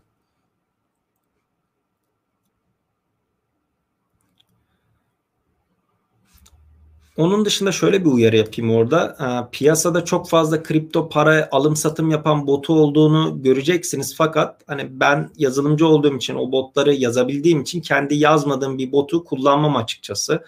Eğer kullanacaksanız da hani kesinlikle bir herhangi bir benim böyle bot tavsiyem falan yok. Ama herhangi bir botu hani ben inat ettim deneyeceğim kullanacağım diyorsanız da borsadaki botun withdraw yetkisini kapatın. Yani alım satım yapabilsin ama para çekme yetkisini kapatın ki borsa üzerinden o API ayarlarından yapabiliyorsunuz onu. Withdraw yetkisini kapatıyorsunuz API'yi oluştururken. En azından bir önlem olsun yani bot direkt paranızı o şekilde çekemesin ama ben dediğim gibi kendinizin yapmadığı bir botu kullanmanızı çok da tavsiye etmem açıkçası. Audio diye bir proje listelendi Binance'te, FTX'te. Buna da hiç bakmadım ama listelenme haberlerini verdiğim için haksızlık olmasın diye buna da yer vermişim. 75. bülteni de bu şekilde kapatalım. Ee, son bültene gelelim. Şimdi şuradan ee, Son bülteni de ekrana vereyim. Ondan sonra bu launch pool kısmını anlatacağım. O yüzden birkaç orada bir pdf yüklemem lazım. 1-2 dakikanızı isteyeceğim ama son bülteni de şöyle vereyim. Ripple'dan bir haber var. Ripple'ın Türkiye'de bildiğiniz gibi yatırımcısı çok fazla. Ripple'ın yönetim kurulu üyesi Ken Carson e, tutuklandı. Şimdi bunun tutuklanma sebebine falan biraz baktığımda işte oradaki taciz davaları falan diyor. Taciz ve tehditle alakalı bir şeyden bahsediliyor. Yani kişisel yaşadığı, yaptığı suçlarla ilgili. Fakat Ripple'ın sonuçta yönetim kurulu üyesi olduğu için de bu ciddi şekilde hani haber değeri taşıyordu. Mesela geçtiğimiz günlerde OKEX'te de işte OKEX'teki e, oradaki yöneticilerden birinin işte tutuklanmasıyla durumda onun kişisel olduğu söylenildi. Hatta pazartesi günü işte bu pazartesi withdraw işlemlerinin açılacağı söylendi. Ben ama hep şu soruyu soruyorum. Eğer multi signature kullanılıyorsa yani orada 3 kişi mesela aynı anda atıyorum parmak izini okutup aynı anda işte transferi onaylayıp cold cüzdan, cold wallet'taki yani soğuk cüzdandaki bakiyelere erişebiliyorsa biraz bu kısmı açıklayayım isterseniz. Çok fazla kişi bu konuda kafası karışıyor. Şimdi borsalarda siz withdraw işlemi yaptığınız zaman yani para çekmek istediğiniz zaman bu hot wallet'ta durur. Hot wallet dediğiniz internete bağlı sıcak cüzdandır. Mesela atıyorum borsanın sıcak cüzdanında 100 bitcoin olsun. Bir adam da geldi 5 bitcoin çekmek istedi. Borsa o 5 bitcoin'i o direkt sıcak cüzdanından çekmeye izin verir ve borsanın sıcak cüzdanında 95 bitcoin kalır. Sonra diyelim başkası geldi 10 bitcoin yatırdı borsaya. Direkt o yine sıcak cüzdana yüklenir. 100 işte 95'e düşmüştü. 105 Bitcoin'e çıkar. Şimdi bu senaryo bu şekilde devam eder. Fakat diyelim birisi geldi 100 Bitcoin daha yatırdı borsaya. Borsa bakar der ki ya der sıcak cüzdan internete bağlı cüzdan da 200 Bitcoin oldu. E bu riskli bunu internete bağlı şekilde tutmamamız lazım. Bunu internete bağlı olmayan soğuk cüzdanımıza aktarmamız gerekir der. Gider arka planda bu işlemi yapar. Hatta şeyi takip ediyorsunuzdur büyük borsaların işte bu transferleri, whale alert'ı falan bazen takıldığında işte CZ olsun, başka borsa sahipleri olsun, CEO'ları olsun şey der.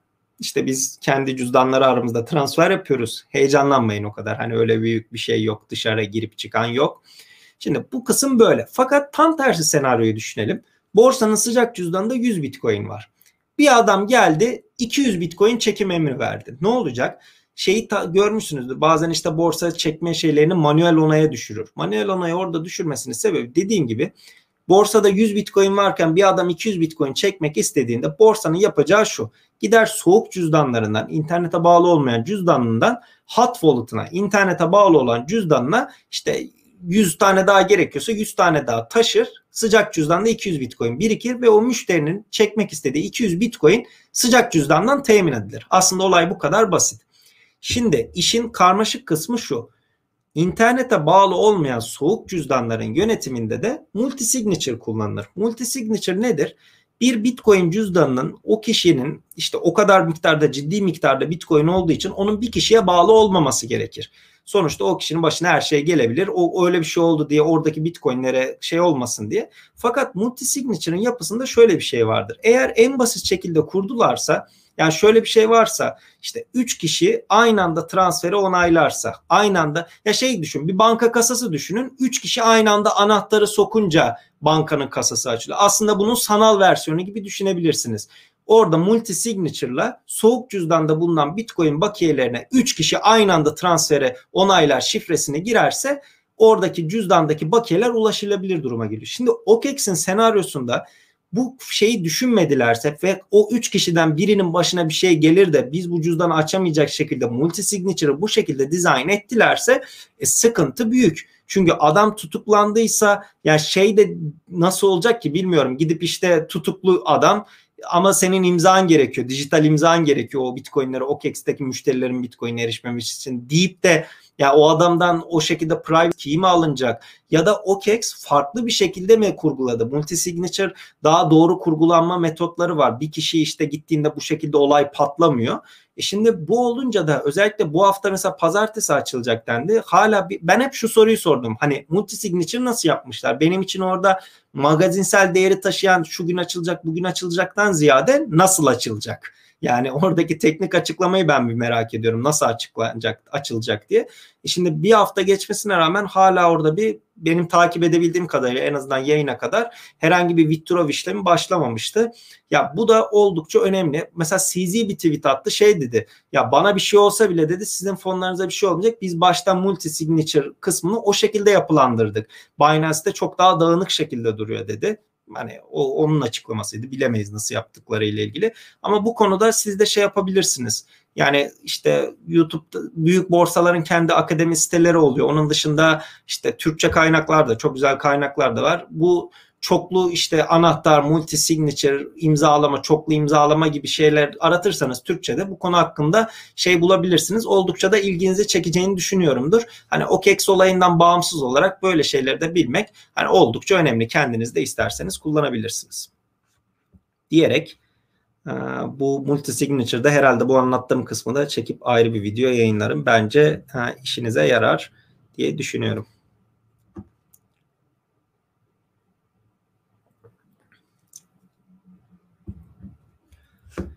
Şimdi Pool Together var. Bu Pool Together'da şöyle vereyim ekrana. bu DeFi platformları arasında en çok kullanılan, e, en popüler platformlardan biri. Kaybettirmeyen piyango gibi bir şey diye bunu pazarlıyorlar. Şu şekilde insanlar parasını yatırıyor, e, piyango çekiliyor. Eğer kazanamazsanız o biletin verdiğiniz biletin parası size geri gönderiliyor.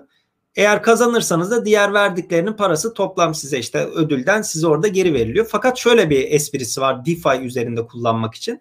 Siz burada piyango için bilet aldığınızda bilet almak için verdiğiniz para orada devamlı duruyor. O yüzden her hafta çekilen piyangoya katılabiliyorsunuz ve paranız orada durdukça da faiz kazanıyorsunuz. Piyango kazanamazsanız da bir şey olmuyor. Oradaki paranızı çekebiliyorsunuz. Çok belki ufak bir miktarda faiz kazanmanız oluşuyor. Bu Pool Together'da 3. versiyonuna geçmiş. Ödül miktarı ve desteklenen coin sayısı da arttırılmış diye. Bu şey haberlerinde çok popülerdi. Bugün bunu verdim.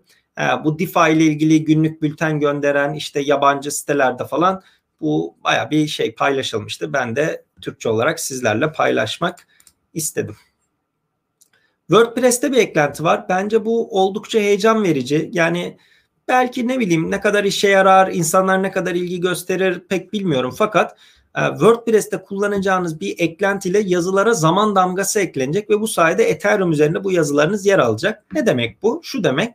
Siz mesela WordPress'te bir içeriği yayınladıktan sonra bu yayınladığınız içeriğin zaman damgası eklenerek Ethereum ağı üzerine yüklendikten sonra da doğal olarak sizden sonra birisi bu içeriğinizi çalarsa siz şey diyebilirsiniz. Bak ben bunu senden çok daha önce girmiştim. Hatta WordPress'teki işte saat ve tarihe falan inanmıyorsan bu blockchain üzerinde değiştirilemez bir şekilde de burada ispatı var. Buradan bakabilirsin şeklinde. Belki de çok güzel bir yani ne bileyim mahkeme olur bir şey olur. ispat niteliği gereken kanıt niteliğinde sunabileceğiniz bir şey olur. Bunun da elbet bir kullanım alanı olacaktır. WordPress'in böyle bir hamle yapması da oldukça uygun diyebilirim. Sonra listelenme haberi ve haftanın canlı yayın diye bu yayının linkini vermişim. Şimdi haberler bu şekilde. İsterseniz yayının başlığında verdiğim ee, şu Launchpool kullanım şeyini hazırlayayım. Bana bir dakika verirseniz bunu zaten hazırlamıştım. Şimdi Binance hesabım üstünden e, açıp da yapmayacağım. Orada e, bazı kişisel bilgilerim belki canlı yayında gözükebilir diye canlı yayından önce birazcık hazırlık yaptım. E, PDF olarak bunların ekran görüntülerini aldım. Yayını şu birazcık müsaade ederseniz diğer monitörüme vereyim ki burada tam ekran yapınca size de çok küçük gözükmesin. Şimdi şuradan açalım. Şuradan da e, bir 30 saniye daha müsaade ederseniz e, tweet'e atayım. Bu arada sizin sorularınızı da yandan okuyabileceğim tabii ki de. Yazarsanız hepsini toplu olarak tekrar cevaplamaya çalışabilirim.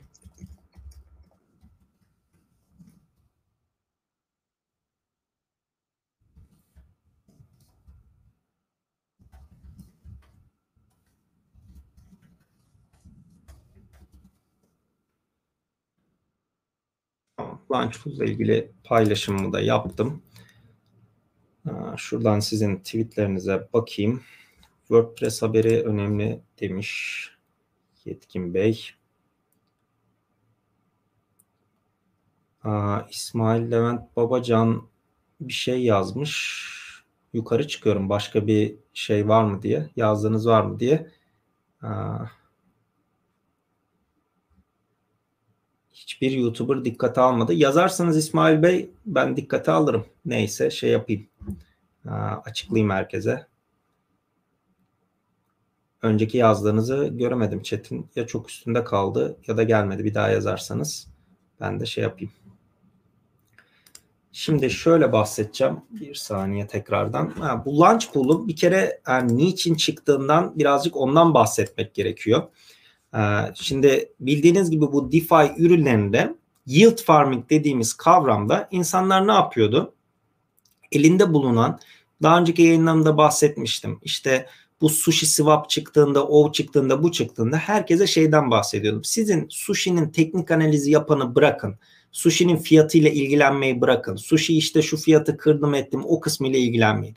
Elinizde stabil bir kripto para varsa, Tether varsa, DAI varsa hatta işte Ethereum fiyatı sonuçta o kadar fazla volatil değil o yeni çıkanlar kadar. Onlar varsa bunları işte Ether dayı paritesinde işte Tether dayı paritesinde falan kilitleyerek e, bunları bedava kazanabiliyorsunuz. Zaten benim amacım da bunları bedava bir şekilde farming yapanların olduğunu bilin ki ondan sonra şey demeyin ya bunun fiyatı devamlı niye düşüyor? Düşer tabii çünkü bu yield farming yapan kişiler ürettikçe, harvest ettikçe yani hasadı topladıkça bunları otomatikman satıyorlar. Şimdi bu yüzden de e, insanlar bu işlemler onlara karışık geldiği için doğal olarak da merkezi borsalarda işte Binance olur, OKEX olur, Huobi olur, Bitstamp, Bit aklınıza gelebilecek merkezi borsalardan da bakiyelerini çekip bu miktarlarda bu bakiyeleri gidip bu platformlarda DeFi ürünlerini değerlendirmeye çalıştılar. E doğal olarak da borsalar kullanıcıların bakiyelerini buralara götürmemesi için de o aralar işte şey de çok vardı. Bildiğiniz gibi işte Ethereum'da bir yerden bir yere para aktarmak büyük dert işte DeFi ürünlerinde akıllı kontratla etkileşime girmek büyük masraf. Oradan bir de çıkarken büyük masraf. Bu havuzlara girip çıkmak, pool'larda işlem yapmak derken merkezi borsalardaki biz dedi CDFI Centralized Finance, merkezi DeFi gibi bir şey çıkaralım. İnsanlar gelsin hiç bizim borsadan parasını çekmeden biz bunlara bu imkanı tanıyacak şekilde bir platform kuralım dediler. Bunu yavaş yavaş zaten bütün borsalar yapmaya başladı. Ben şimdi Binance üzerindekini göstereceğim. Ama lafıma başlamadan, anlatacaklarımı başlamadan bunların asla yatırım tavsiyesi olmadığını, buradaki projelerle hiçbir ilgim olmadığını hatta bakın söylüyorum. Yani bunu bedava kazanabileceğiniz şeyler olduğu için projenin şu fiyata çıkar, şöyle olur, böyle olur kesinlikle demiyorum. Açıkçası benim çok umurumda değil. Yani sonuçta orada bedava bir şey kazandığınız için elinizde yer tuttuğunuz bakiyeler varsa hani fiyatı kaç olursa olsun isterse bir kuruş olsun isterse 10 dolar olsun sonuçta size bedavadan geldiği için bundan yararlanabilirsiniz diyerek yavaş yavaş başlayalım. Ha, şuradan share screen diyeyim. Ha, Word belgesi diye mi gözüküyor bu? Tamam. Şu anda görebiliyor olmanız lazım. Şöyle birazcık büyüteyim. Şimdi Launch Pool kısmında şurada birazcık belki tam gözükmüyor yazılar ama zaten şey anlatarak gideceğim için fark etmeyecek. Şimdi çok kısaca anlatmak gerekirse Binance hesabınıza girdikten sonra sağ üst köşede bunu bilerek İngilizce kısmından anlatıyorum. Ee, belki Türk ya Türkçe kısmı da var ama Launchpool sayfasının sanırım Türkçe sayfa kısmı hazır değildi. Hani İngilizce de olursa şey olmasın bazı arkadaşlar zorlanabilir. Onlara da kolaylık olsun diye. Şimdi Binance hesabınıza girdikten sonra sağ üst köşede wallet diye bir kısım var. Cüzdan. Bu wallet'a tıklıyorsunuz. Buradan savings kısmına giriyorsunuz. Birikimler kısmına giriyorsunuz. Buraya girdikten sonra bakın burada launch pool diye bir tane sekme var. Bu launch pool sekmesine giriyorsunuz. Launch pool'a girdikten sonra burada all, launchpad ve launch pool diye ayrı bir sekme geliyor. Launchpad bildiğiniz gibi bu çok karıştırılıyor. Ya herkes yanlış tweet atıyor. Bunu görüyorum Twitter'da. Launchpad insanların elinde bulundurduğu BNB'lerle işte mesela Launchpad'de bir ürü, bir proje şey yapacağı zaman satışa çıkacağı zaman o BNB'lerle bilet kazanıp işte eğer biletten bir bilet iki bilet ne kazandıysanız veya kazanamadıysanız o bilet karşılığında yatırım yapmanızı sağlayan ayrı bir platformu Binance'ın. Launchpool ise bu bizim dediğimiz farming işlemleri. Hani farming kelimesi yabancı geliyorsa mining işlemini, kazım işlemini, madencilik işlemini yapabileceğiniz kısım. Buradan launch pool'a tıkladıktan sonra da bakın burada size mesela şu an in progress demiş. Şu an hala hazırda olan e, pool farming yapabileceğiniz, ücretsiz kazanabileceğiniz şeyler. Şimdi işin şu kısmı şöyle. Yine burada bakın clickbait yapmayalım, insanları kandırmayalım, açık bir şekilde söyleyelim. Mesela şu anda burada CTK diye bir proje var işte Certic diye. Bunu şimdi herkes şey yapacaktır. E, bu listelenmesine yanlış hatırlamıyorsam 2 veya 3 gün kalmıştı. Binance'da bunun listeleneceği kesin. Yukarıda girdiğinizde sayaç var. Hani Binance bunu da listeleyeceğini söylüyor. 2 gün sonra Binance'de kesin listelenecek. Şimdi şöyle bir durum var. İnsanlar buna büyük ihtimal işte supply ne kadarmış, işte bu projenin CEO'su şu tweet'i atmış, bu projenin Telegram grubunda şöyle olmuş, böyle olmuş şeklinde yorumlar yapacaktır. Bizim hiç o aslında umurumuzda değil. Siz elinizde Binance'te BNB tutuyorsanız, bakın bu çok önemli eğer BNB tutmuyorsanız sırf burada farming yapacağım diye BNB satın alırsanız burada riske giriyorsunuz. Nasıl bir riske giriyorsunuz? E, BNB'nin fiyatı artıp azalabilir. Hani artarsa iyi işler hoş da düşerse bu sefer BNB riskini alıyorsunuz. Benim burada anlatacağım şey altını kalın çizerek böyle söylüyorum. Hala hazırda elinizde BNB varsa bunu yaparak ücretsiz bir şekilde kazanabilirsiniz. Yani hala hazırda BNB tutmanın riskine girdiyseniz BNB ben zaten Binance'da tutuyorum işte Launchpad'a katılıyorum komisyonlarda indirim kazanıyorum işte ne bileyim BNB tutanlara airdrop yapılıyor ben zaten bu yüzden BNB tutuyorum diyorsanız şöyle yapıyorsunuz BNB'nizi buradan stake diyorsunuz stake dedikten sonra da BNB olarak stake edebiliyorsunuz ya da BUSD ile stake edebiliyorsunuz. BUSD de bildiğiniz gibi Binance'in Tether'e karşı çıkarmış olduğu stabil kripto para birimi. 1 dolara sabit. Yani atıyorum 1000 BUSD 1000 dolar ediyor. Burada da elinizdeki Tether'leri işte BUSD'ye çevirebilirsiniz. Şimdi insanlar BUSD'yi şöyle tercih etmek isteyebiliyor. Sonuçta 1 dolara sabit olduğu için fiyatı artıp azalmıyor. Adam mesela Binance'te dolar olarak bakiyesini tutuyorsa şöyle bir senaryo düşünün. Diyelim mesela burada bir arkadaşım yaptı. Bu BNB holderları için BNB kısmı o şekilde. Fakat şöyle de bir senaryo var. Mesela fiyatların düşeceğini düşünüyor diyelim ve o yüzden de Binance hesabında hani düşerse hemen yakalarız işte düşükten alırız diye dolar tutuyor. Şimdi bunu BUSD olarak Binance'in dolar cinsinde tutarsa hesabında boş boş bu dolarlar duruyor. Bunu gidip buradan BUSD olarak bakın bu projeye stake ederseniz de şurada aşağıda göstermiştim. BNB ve BUSD olarak stake etme. Siz bunu stake etmeniz durumunda bu yeni projeden bedavaya kazanabiliyorsunuz. BNB'yi koyarsanız da kazanıyorsunuz. BUSD de. Fakat şurada şöyle bir ayrım var. Ee, BUSD havuzunda biraz daha az kazanıyorsunuz diye biliyorum. Mesela bu önceki alfa projelerinde o şekildeydi. Biraz daha az kazanıyordunuz. BNB tutarsanız daha fazla kazanıyordunuz. Hatta CTK borsada listelendikten sonra eğer siz bu riske giriyorsanız, bu fiyatın volatilite riskine giriyorsanız buradan stake ederseniz en yüksek havuzda en yüksek geliri o havuz veriyor. Bunun şeylerine bakabilirsiniz. Hangi havuz ne kadar veriyor? Ee, oradan bakabilirsiniz. Ama bakın tekrar uyarıyorum. Eğer siz CTK havuzu fazla veriyor diye buna girerseniz elinizde bu coin'den olması gerekiyor. E bu coin'in de riskini alıyorsunuz. Sonuçta Binance'e yeni eklenmiş coin'in böyle ne kadar fiyatının dalgalandığı malum. Hani BNB bir derece e, BUSD de direkt zaten stabil kripto para birimi olduğu için elinizde dolar varsa buradan kazanabiliyorsunuz. Peki bu kazanç işlemi nasıl oluyor? İlk başta şunu söyleyeyim. Yani şöyle kaydırmadan aşağı. İstediğiniz zaman stake yapıp istediğiniz zaman çekebiliyorsunuz. Şimdi normalde bunu işte Uniswap'ın pool'unda veya DeFi platformlarının havuzlarında yapmaya çalışsaydınız şöyle bir durum var sizin her işleminizde Ethereum madencilerine komisyon ödemeniz gerekiyordu. Yani mesela pool'a stake edip kitlerken de ödüyorsunuz.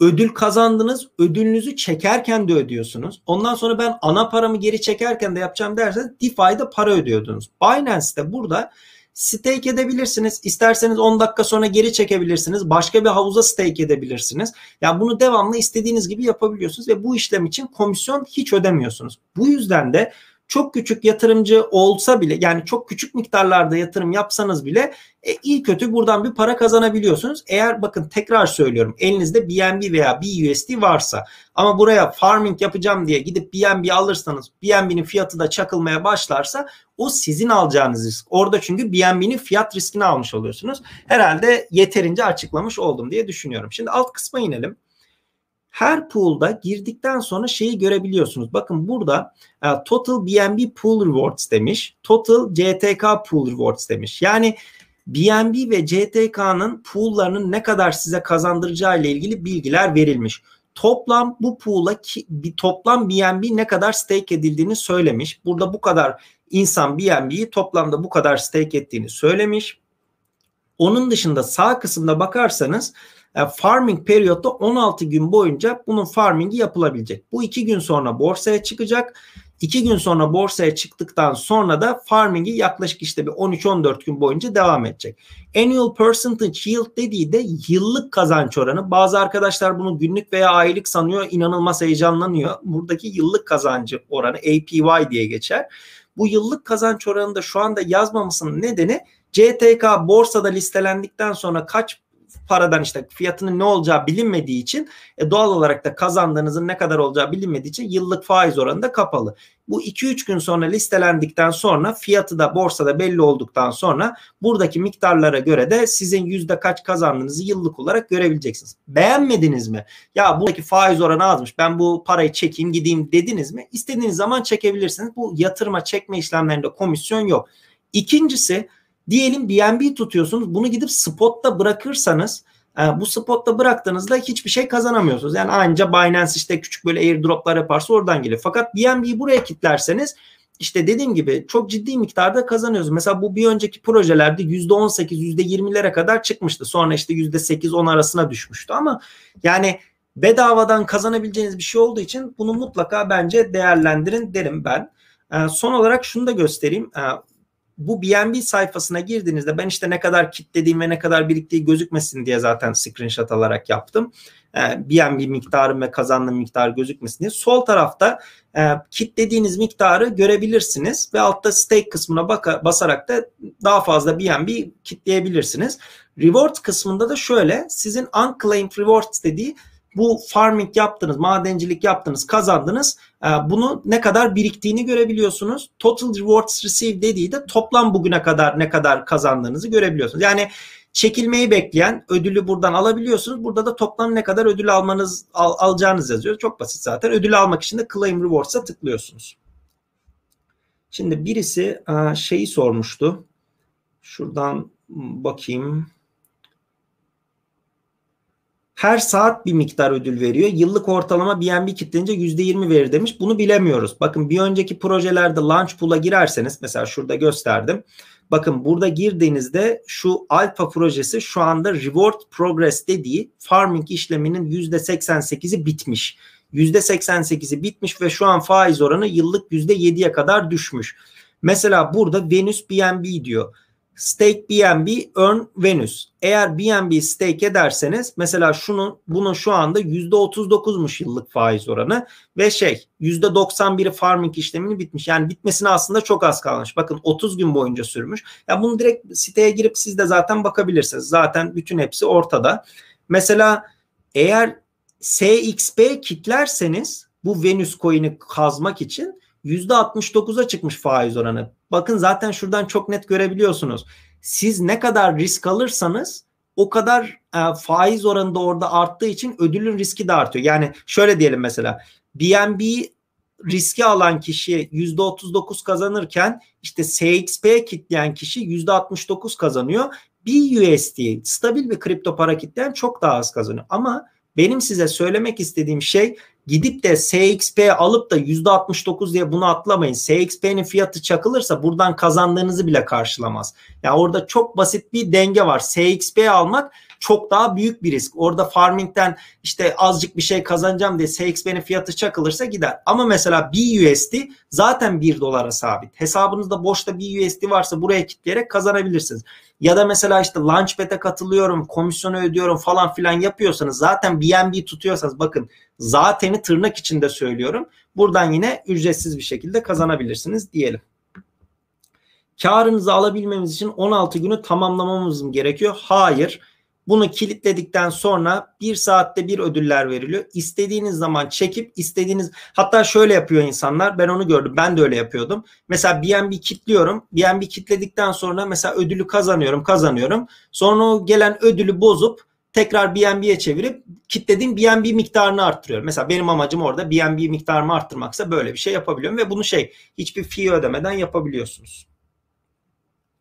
Yani ufak yatırımcılar için en mant en azından borsadan withdraw yapmadan DeFi platformlarında belki hani çok ufak bir miktar yatırımınız varsa zaten Ethereum'u oradan oraya yollarken işte yield farming yaparken Ethereum madencilerinize vereceğinize bu şekilde yapabilirsiniz. Launch pool kısmına da dediğim gibi hani anlattım. Bunu ayrı bir video olarak da koyacağım. Aşağıda Binance'in bir linki var. Oradan o linkten üye olursanız Binance'e de ömür boyu %20 indirim kazanıyorsunuz komisyonlarda. Hani hala %20 indirimli hesabınız yoksa da aşağıdaki linkten üye olarak siz de indirimli Binance hesabınızı açabilirsiniz diyerek şu ekran kaydını ekran görüntüsünü kapatayım. Buradan da şuradan şu ekranlarımı değiştirerek kendimi yine şöyle canlı yayın şeyini alıp sizin sorularınıza tekrardan bakayım. Ee, bu anlattığımın oldukça detaylı olduğunu düşünüyorum. Yine altını çizerek söyledim. Orada işin ne, neresinde risk olduğunu, neresinde risk olmadığını da detaylı bir şekilde söylediğimi düşünüyorum. Sizden de yorumlara geçeceğim. Şöyle yorumlarınızı açayım sizin. Şimdi 250 BNB'ye saatlik kaç BNB veriyor? Bunu şeyden bakabilirsiniz. Birincisi şöyle. Eğer elinizde 250 BNB varsa zaten ücretsiz kitlemek. Boşta duruyorsa kitleyin. Bir saat sonra ne kadar geldiğine bakın. Fakat yani şu anda hala hazırda borsada işlem görmüş bir parayı farming ederseniz bunun ne kadar getirdiğini görürsünüz. Mesela az önce gösterdiğim örnekteki CTK daha henüz şeye girmedi. Binance'e girmedi. Kaç fiyattan alım satım yapılacağını bilmediğimiz için zaten orada da o yüzden yıllık faiz oranı kısmı boştu. Ama bir iki gün içerisinde de onu öğreneceğiz diyebiliriz. Chainlink'i soran bir arkadaşımız var ısrarla. Chainlink hakkında, fiyat hakkında hiçbir fikrim yok. Ama Chainlink e, bu özellikle DeFi ekosistemindeki akıllı kontratlara dışarıdan Oracle hizmeti sağladığı için Crypto.com'da mesela Oracle hizmeti olarak Chainlink'le anlaştığı için ve diğer platformlarında bazıları anlaştığı için ciddi bir şekilde Chainlink'in fiyatlaması olmuştu. Bu Chainlink'in fiyatlamasının arkasındaki sebep budur ama onun dışında işte bayrak yukarı kırdı aşağı indi RSI şunu kırdı şöyle yaptı o kısım benim ilgi alanıma girmiyor. Chainlink hakkında bildiklerim bunlar.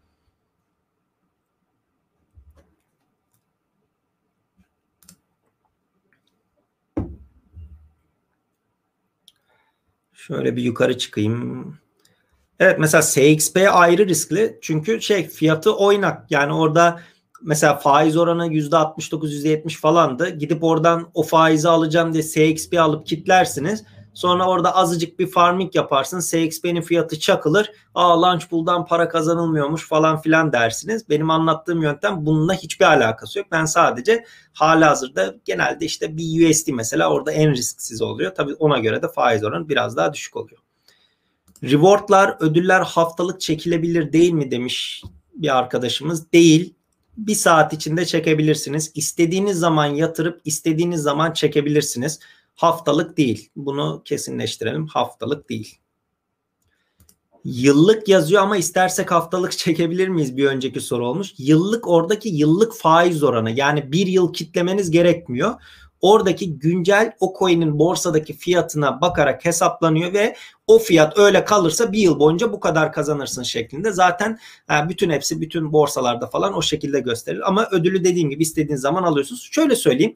Bu CTK işte borsada listelendikten sonra bu farming yapan kişiler e, şeyi tahmin edebiliyorsunuz işte. Adam mesela tamamen atıyorum işte bir dolardan çıktı. Adam orada kazdığını bir dolardan satacak yarım dolardan mı çıktı? Yine satacak. 0.1'den mi oldu? Yani çıkacağını düşünmüyorsa yine satacak. Çünkü ücretsiz bir şekilde kazanıyor onu. Hani risk almadan orada aslında bir kazanç oluyor. O yüzden de düzenli olarak satıyor. O yüzden de borsalarda sizin o gördüğünüz işte çok fazla yazan olmuştu. Curve'dü, sushi'ydi falan fiyatı böyle düzenli düşüyor ne yapacağız edeceğiz diye. Bu yüzden bunların al satıyla ilgilenmek yerine bakın bunu şeyi de demiyorum. Yield farming yapın da demiyorum bunun fiyatının ne için düştüğünü, bu satış baskısının nereden geldiğini bilirseniz yapacağınız yatırımlarda bu değişkeni de göz önünde bulundurursunuz. Öbür türlü Twitter'da, YouTube'da çok yüksek takipçili hesaplar işte şöyle olacak, böyle olacak diye onu yaparsanız o kişiler sadece fiyata bazlı hareket ettiği için de doğal olarak yanılabilirsiniz. Mutlaka bu bilgileri sizde de olması gerekiyor diyebilirim. Yaklaşık bir buçuk saat olmuş arkadaşlar. Ee, ben çok teşekkür ederim. Yavaş yavaş da bir iki tane daha soruyu cevaplayıp hani çok fazla uzun yayınlar büyük ihtimal bunun tekrarını kimse baştan sona zaten izlemiyor. Ben böyle kesit kesit koyarım. Birkaç arkadaş şey yazıyor açıklama kısmına hangi dakika ne konuştuğunu yazar mısın diye. Yani onu ben de çok istiyorum ama onu yapacak maalesef vaktim olmuyor. Orada biraz özür dilerim ama çok üşengeçlik yapıyorum e, her videoya. Ama en azından şey yaparım. Buradaki önemli az önceki şu launch pool'u falan tekrar ayrı bir video olarak da koyarım. Forex piyasası ile ilgileniyor musun? Hayır ilgilenmiyorum. Madencilik öneriyor musun? Bunu yayının başında konuşmuştuk. Hani madencilik yapan biri olarak deneyimlerimi aktardığım videolar var. Oradaki kanalımdaki o videolara bakabilirsiniz. Ethereum'un madenciliği için 32 Ether gerekmiyor mu? Ethereum Proof of Work'te yani ekran kartlarıyla madencilik yapılıyor şu anda. Proof of Stake'e geçebilirse tırnak içinde yani minimum 32 Ether stake edenlerin blok ödüllerinden ve transfer ücretlerinden yararlanıp e, orada bir node olması sağlanacak kağıt üzerinde.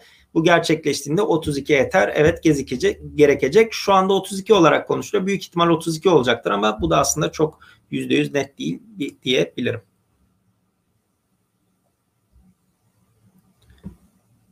BNB'nin BitMEX'te listelenmesiyle ilgili yorumun nedir? BitMEX'le bilmiyorum açıkçası o haberi görmedim. Sadece şeyi gördüm. BitMEX'te şu an kimlik onayı yapmadan işlem yapılıyordu bildiğiniz gibi. Çok fazla kişi o yüzden kullanıyordu. Şimdi kimlik onayı yapmayı zorunlu tuttular bu en son şey olaylarından sonra. Ya açıkçası çok fazla kişi de soğudu diye düşünüyorum. Orada işte CTO'su tutuklanma olayları falan olunca BitMEX'ten çok ciddi para çıkışı oldu. Ama BNB'nin sonuçta sadece Binance'te değil bir sürü borsada zaten listeleniyor diyebilirim BNB. Bitcoin'in ileride forklanarak arzının miktarının artması gibi bir durum yok. Böyle bir durum olduğunda o zaten Bitcoin olmayacaktır. Bitcoin'den farklı bir şey olacaktır. Ana zincir ilk çıkan yani orijinal Bitcoin zinciri devam edecektir.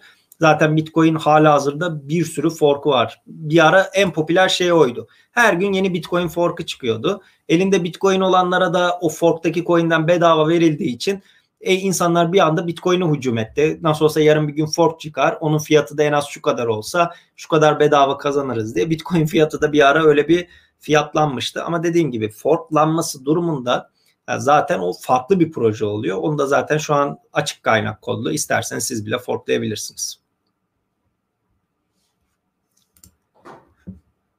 Ha, sorular. Google Authenticator link atabilir misin? Google Authenticator kopyalamadığı için link atabilir misin? Google Authenticator sorusu neydi? Kaçırmışım. Aa, göremedim. Arkadaşlar isterseniz yavaş yavaş bitirelim. Dediğim gibi bugün size sunduğum haberleri Medium hesabımda aşağıda açıklama kısmında sosyal medya hesaplarımda da verdim. Oradan takip edebilirsiniz. Dediğim gibi Twitter'dan, Telegram'dan biraz da anlık paylaşımlar yapıyorum.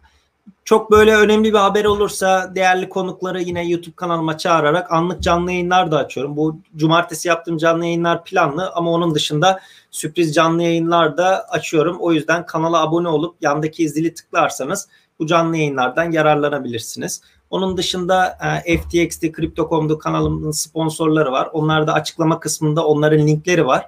O linklerden indirimli bir şekilde bu borsalara üyelik açabilirsiniz. Oradan da isterseniz indirimli bir şekilde işlemlerinizi yapabilirsiniz diyerek e, cumartesi akşamı bir buçuk saatinizi bana verdiğiniz, bana ayırdığınız için çok teşekkür ederim. Umarım çok ufak da olsa bazı arkadaşlar için kafasında bir kıvılcım yanmıştır. En azından bilmediği bir şeyi öğrenmiştir. En azından keyifli vakit geçirmiştir diye umuyorum. Ee, dediğim gibi sosyal medya hesaplarım da aşağıda var. Oradan takip ederek bir sonraki hafta canlı yayında tekrardan görüşmek üzere. Yayını beğendiyseniz be- beğenmeyi unutmayın lütfen. Son olarak da kanala abone olmadıysanız abone olup yanındaki zile tıklarsanız da bu yayınları size ulaştırmam için benim için çok daha büyük motivasyon olacaktır diyerek tekrardan teşekkür ederim. Hepinize iyi akşamlar dilerim.